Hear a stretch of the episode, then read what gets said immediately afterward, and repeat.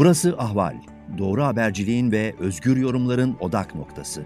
Podcast yayınımıza hoş geldiniz. Merhaba Ahval izleyicileri, sıcak takipteyiz. Ben Dice Baştürk.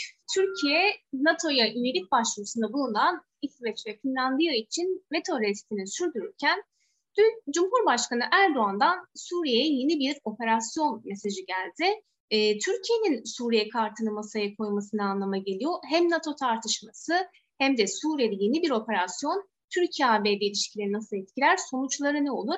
Hepsini eski Dışişleri Bakanı Yaşar Yakış'la konuşacağız. Merhaba Yaşar Bey, hoş geldiniz. Hoş bulduk, merhaba. Türkiye'nin e, NATO restini tartışırken bunun arka planında bir e, pazarlığın da olduğu ve e, Suriye olduğu da konuşuluyordu bunlardan e, birinin de. Siz öncelikle e, Türkiye'nin NATO restini nasıl değerlendiriyorsunuz ve bu tartışma sürerken e, Erdoğan'ın Suriye operasyon mesajı vermesi ne anlama geliyor? Yani ikisi e, birbirleriyle bağlantılı da olabilir, bağlantısız da olabilir. Ee, şöyle düşünüyorum ben, e, Türkiye e, e, yani İsveç'in ve e, Finlandiya'nın Avrupa e, şey NATO'ya girme e, konusu gündeme geldiği zaman Türkiye'nin bir tepki göstermesi e, doğaldı. Çünkü e, yani bir fırsat yakaladı e, bu iki ülkenin e, NATO'ya girmesini e, veto etmek için o fırsatı e, kullanıyor Türkiye. E, Suriye meselesiyle bağlantılı olup olmadığı meselesini bence ayrıca değerlendirmek lazım. Olabilir, olmayabilir. e, şeyi devam edelim mi? Ee, NATO, NATO, NATO, NATO restini isterseniz hocam başlayalım. Ee, siz bu NATO restini e, nasıl değerlendiriyorsunuz? Halen de sürdürüyor e, bu restini. E, bu hem Türkiye-ABD ilişkilerini nasıl etkiler? Siz nasıl görüyorsunuz bu tartışmayı? Yani Türkiye'nin e, bu e, veto hakkını kullanma meselesinde sonuna kadar gitmesinin Türkiye'ye zarar verebileceğini düşünüyorum. Ama Türkiye böyle bir fırsat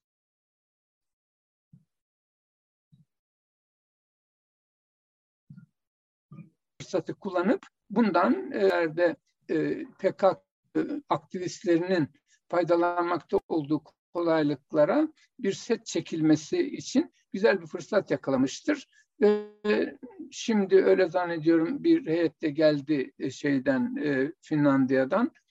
E, burada görüşülecektir. E, Finlandiya'da, İsveç'te Türkiye'nin Avrupa Birliği sürecinde çok büyük desteğini e, e, göndermiş, sağlamış olan iki ülkedir. Bu iki ülkenin e, Türkiye ile oturup e, nelerden Türkiye'nin nelerden rahatsız olduğunu o ülkeleri doğru düz anlatması ve o ülkelerinde oradaki e, mevzuat ve e, kendi devlet yapıları içinde hangilerinin yerine getirebileceğini, hangilerinin getiremeyeceğini e, belirleyebilirler. Çünkü Türkiye'nin orada yapmak istediği şey e, PKK'lıların haftanın belli günlerinde sokaklarda Stockholm'un veya e, şeyin e, Finlandiya'nın başkentinde e, şeyler e, faaliyetler düzenlemeleri kendilerini tanıtmak için para toplamaları gibi şeyler. Şimdi bu ülkelerde özellikle Nordik ülkelerde e, insanların e, e, ifade özgürlüğünü kullanma şekliyle veyahut da ifade özgürlüğüne e, Türkiye'de getirilen kısıtlamalar ile o ülkelerde getirilen kısıtlamalar aynı değil. Dolayısıyla o ülkeler e, kendi memleketlerinde şiddet kullanmamak şartıyla e, düşüncelerini açıkça mikrofonun başına geçerek sokaklarda bağıra çağıra e, ifade etmeleri mümkündür. Yeter ki şiddet kullanmasınlar. Türkiye'de bu e, hakların e, sınırlamaları var. Onun için Türkiye'deki şablonun o ülkelerdeki şablona uymaması ihtimali var. O zaman e, gerek İsveç'in gerek Finlandiya'nın kendi yasaları çerçevesinde oradaki faaliyetleri kontrol etmek için neler yapılabileceği konusunda iki medeni ülkenin temsilcisi gibi oturup konuşmaları lazımdır. Öyle zannediyorum şu anda yapılması gereken şey odur. Onu yapacaklardır.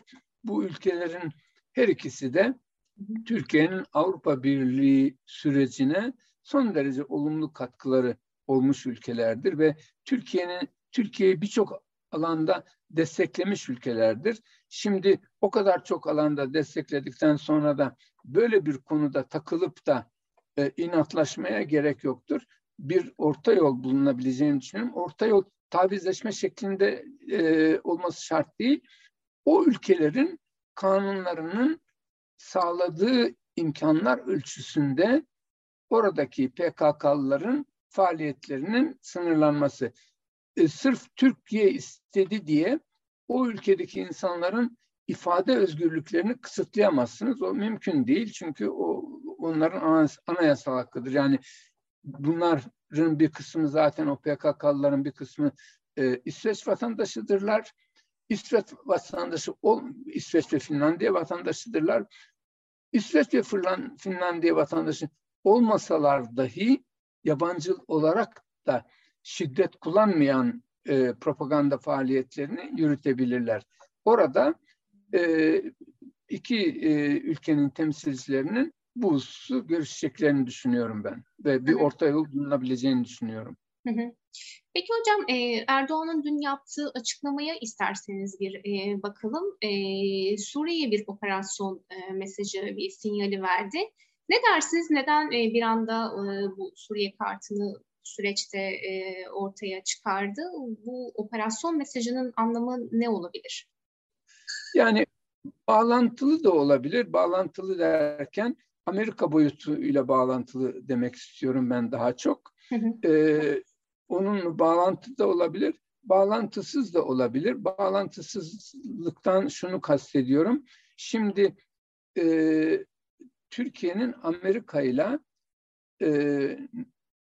İsveç ve Finlandiya'nın e, üyeliği meselesiyle irtibatlı olmakla birlikte e, Amerika ile yani NATO'da olacak her şeyde mutlaka Amerika'nın şu veya bu şekilde duhulu olacaktır. Yani e, bu konu sadece e, İsveç ve Finlandiya ile Türkiye arasında kotarılacak değildir.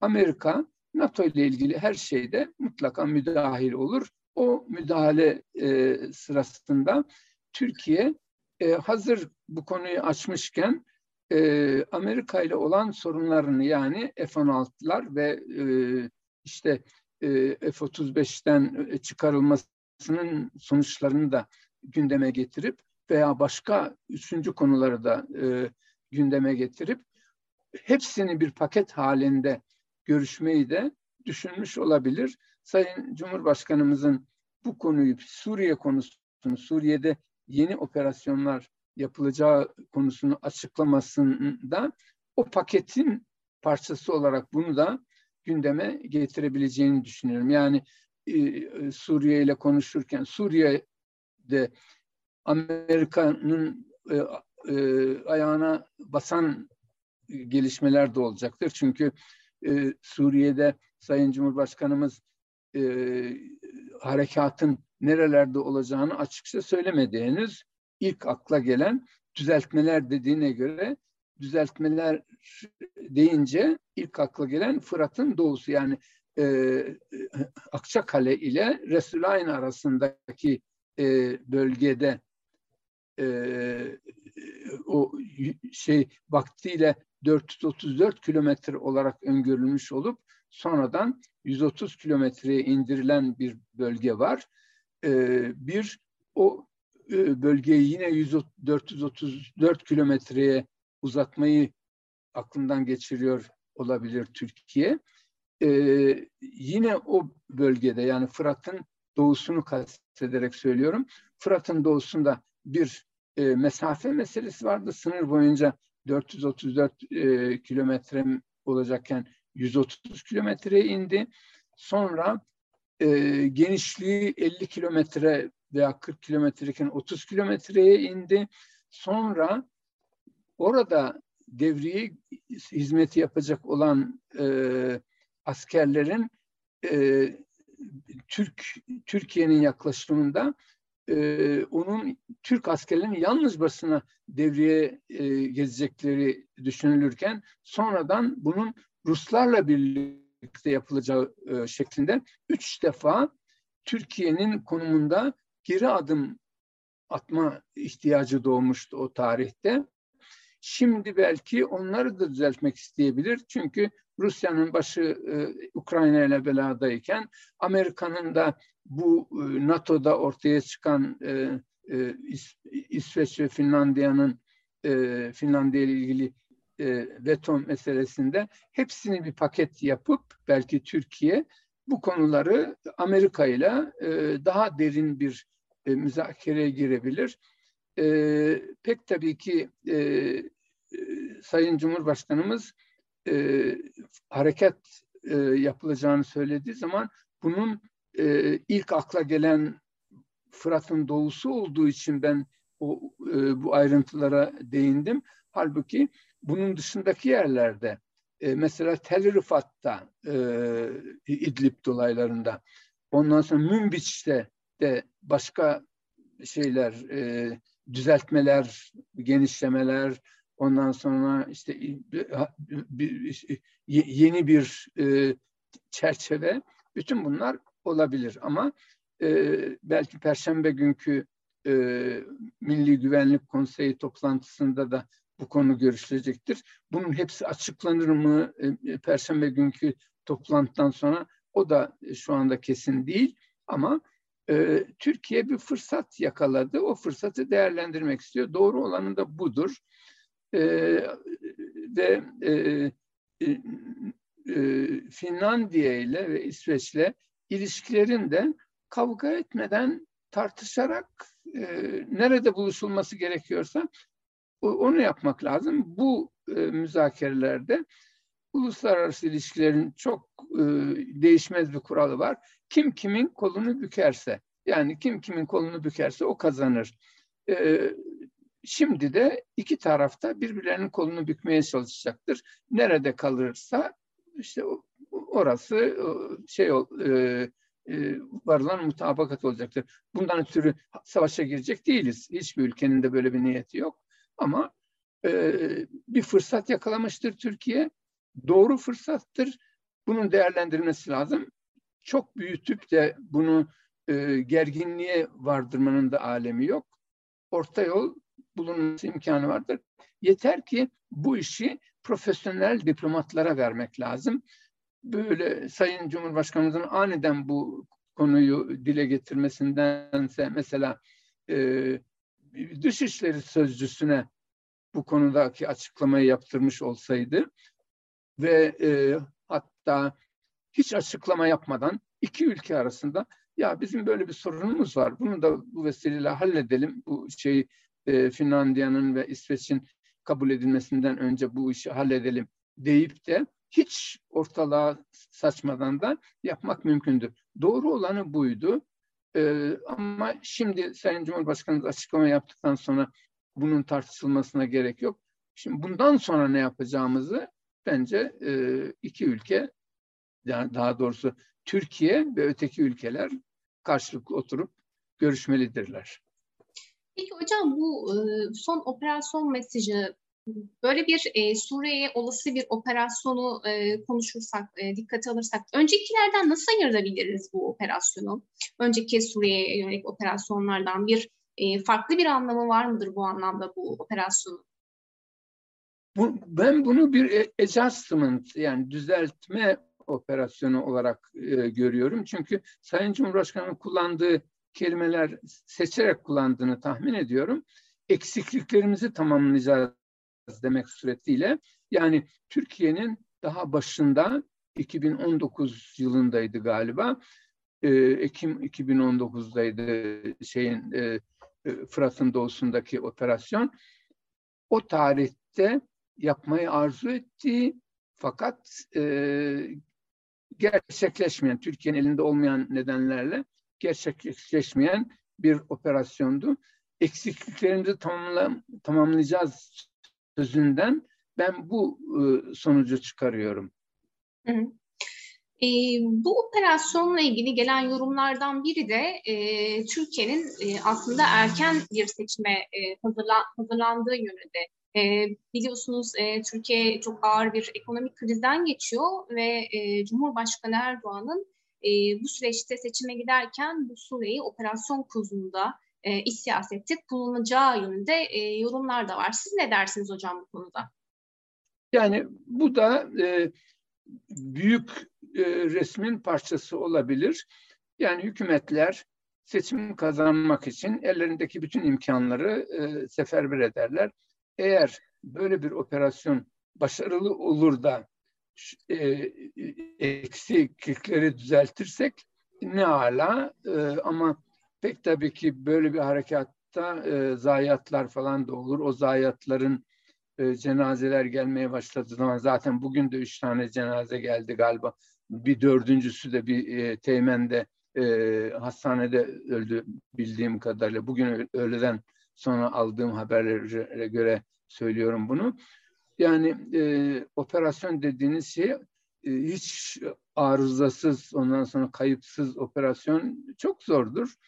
Dolayısıyla o operasyonun yaratacağı olumsuzluklar da var, olumlu taraflar da var.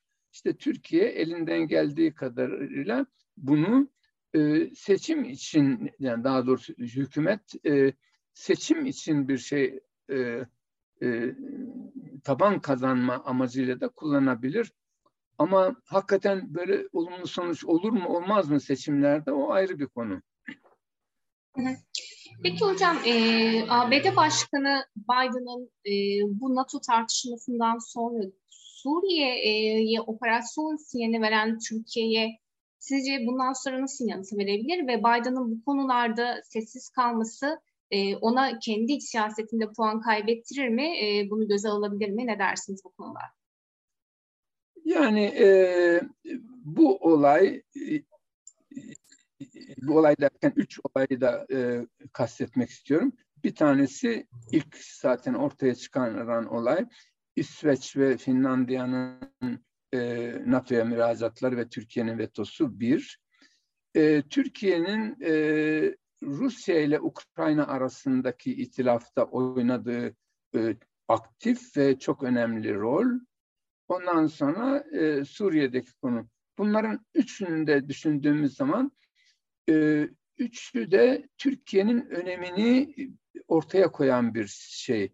Ama e, NATO'daki e, bu veto hakkını kullanmak suretiyle de e, NATO ülkeleri indinde ve onun başında da Amerika indinde e, onların olumsuz olarak algıladıkları bir husustur.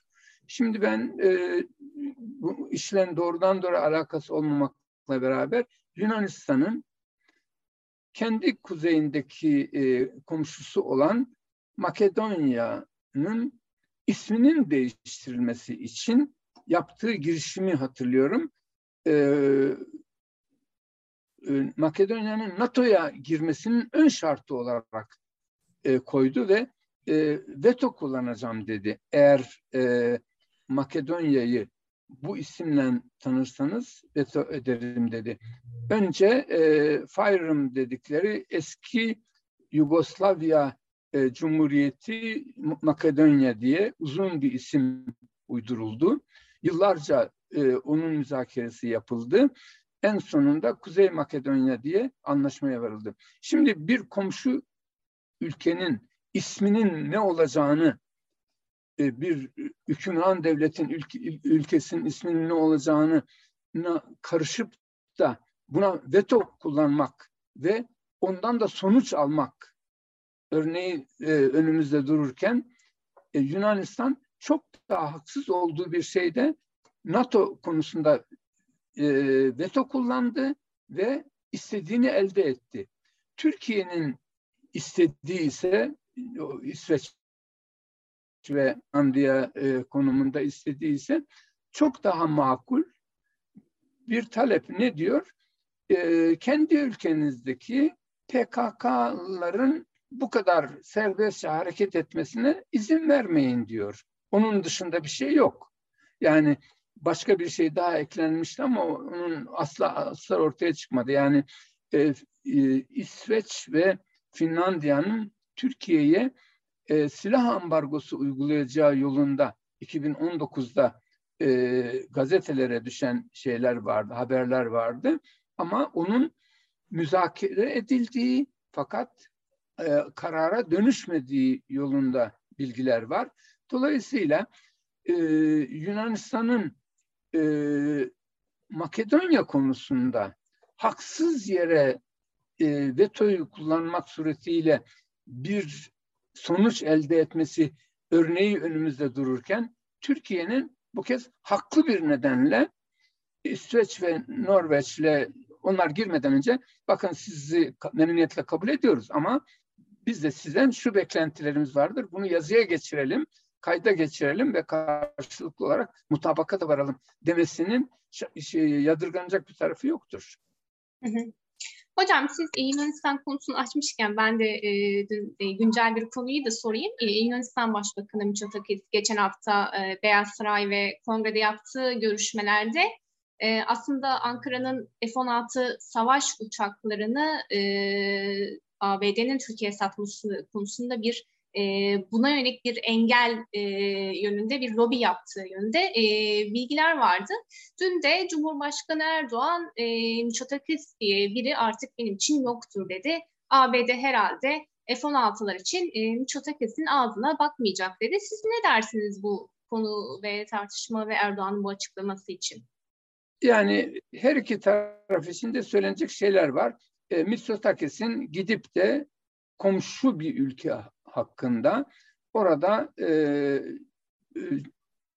e, şey, senatoda, e, kongrede e, kendisini alkışlatmak suretiyle, ayakta alkışlatmak suretiyle bu böyle bir girişimde bulunması yakışıksız bir davranıştır. Bunu yapmaması lazımdır. Bir komşu ülke için bir şey sorunu varsa Türkiye ile müzakereyle halletmesi lazım. Amerika üzerinden değil. Bu yanlıştır. Ee, Sayın Cumhurbaşkanımızın Mitsotakis benim için yoktur demesini e, yani bir du duygusal e, e, şey davranış olarak e, nitelemek lazım. Çünkü e, bir ülkenin cumhurbaşkanı başka bir ülkeyle ilişkilerinde e, şahsi olarak o insanla olan e, münasebetlerine göre e, hareket etmemesi lazımdır. E, o iki ülkenin çıkarlarını temsil ediyor. Mitsotakis kendi ülkesinin çıkarlarını, e, Sayın Cumhurbaşkanı Türkiye'nin çıkarlarını böyle e, şahsi nedenlerle ülke yöneticilerinin birbirlerine karşı küsmeleri, küstüm seninle konuşmuyorum demeleri e, doğru değil. Er geç Yunanistan'la Türkiye birçok konuda karşılaşacaklardır. NATO zirvesinde bir araya geleceklerdir. Ee, NATO zirvesinde e, yan yana masada akşam yemeğinde yan yana oturacaklardır.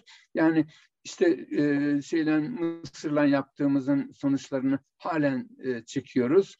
E, yani ülkelere kızarak e, veyahut ülke de, e, başkanlarına, liderlerine kızarak e, politika yapılmaz, yapılmaması lazımdır. İki ülkenin e, çıkarları söz konusu olduğu zaman herkesle her türlü görüşmeyi yapmak lazımdır. Hocam e, son olarak toparlarsak Türkiye Türkiye'nin e, seçime doğru siyasette bir e, sertleşme dönemine gireceği konuşulurken size de dış politikada e, Erdoğan'ın nasıl bir e, süreç istediğine yönelik aslında e, değerlendirmenizi ve öngörünüzü sormak isterim. Sizin e, düşünceniz nedir? Erdoğan e, seçime doğru e, dış politika, nasıl bir dış politika e, gütmek istiyor sizce ve e, bu kafasındaki planın sonuçları ne olabilir? Şimdi e, iç politika ile dış politika geleneksel olarak ayrı tutulan bir şeydi. Fakat e, bir süredir yani onlarca yıldan beri e, e, dış politika konuları da iç politika malzemesi yapılmaya başlandı. Bu e, Türkiye'de de oldu, başka ülkelerde de oldu. Çünkü e, devlet başkanlarının e, birbirleriyle doğrudan doğruya temas etmeleri e, geleneği yaygınlaşmaya başladı. Bunun sonucu olarak e, dış politika ile iç politika konularının birbirlerine e, daha fazla girift hale geldiğini görüyoruz. E, bunun sonucu olarak da e, liderlerin ve hatta siyasi parti e, mekanizmalarının e, seçimler yaklaşırken kendi e, oylarını arttırmak için dış politika konularının da iç politikaya malzeme yaptıklarını görüyoruz. Buna AK Parti de yapıyor şimdi. Yapmaması daha iyi olurdu ama dünyadaki eğilim bu yöndedir. Hepsi yapıyorlardır. Ve eminim ki e, AK Parti ve onun yardımcısı desteği olarak e, Milliyetçi Hareket, Hareket Partisi eğer seçim ittifakları devam ederse e, her ikisi de kendi oylarını arttırmak için ellerinden gelen çabayı sarf edeceklerdir. Onu önlememizin imkanı olmadığını düşünüyorum. Doğrusu ol, olmamakla beraber bunun yapılacağını tahmin ediyorum ben. Peki hocam. Çok teşekkür ediyorum e, katıldığınız için, görüşleriniz için. Memnuniyetle iyi günler. Ahval podcastlerini tüm mobil telefonlarda Spotify, SoundCloud ve Spreaker üzerinden dinleyebilirsiniz. Apple iPhone kullanıcıları bize iTunes üzerinden de ulaşabilir. Türkiye'nin ve hayatın cıvıl cıvıl sesleri Ahval Podcast dizisinde. Kulağınız bizde olsun.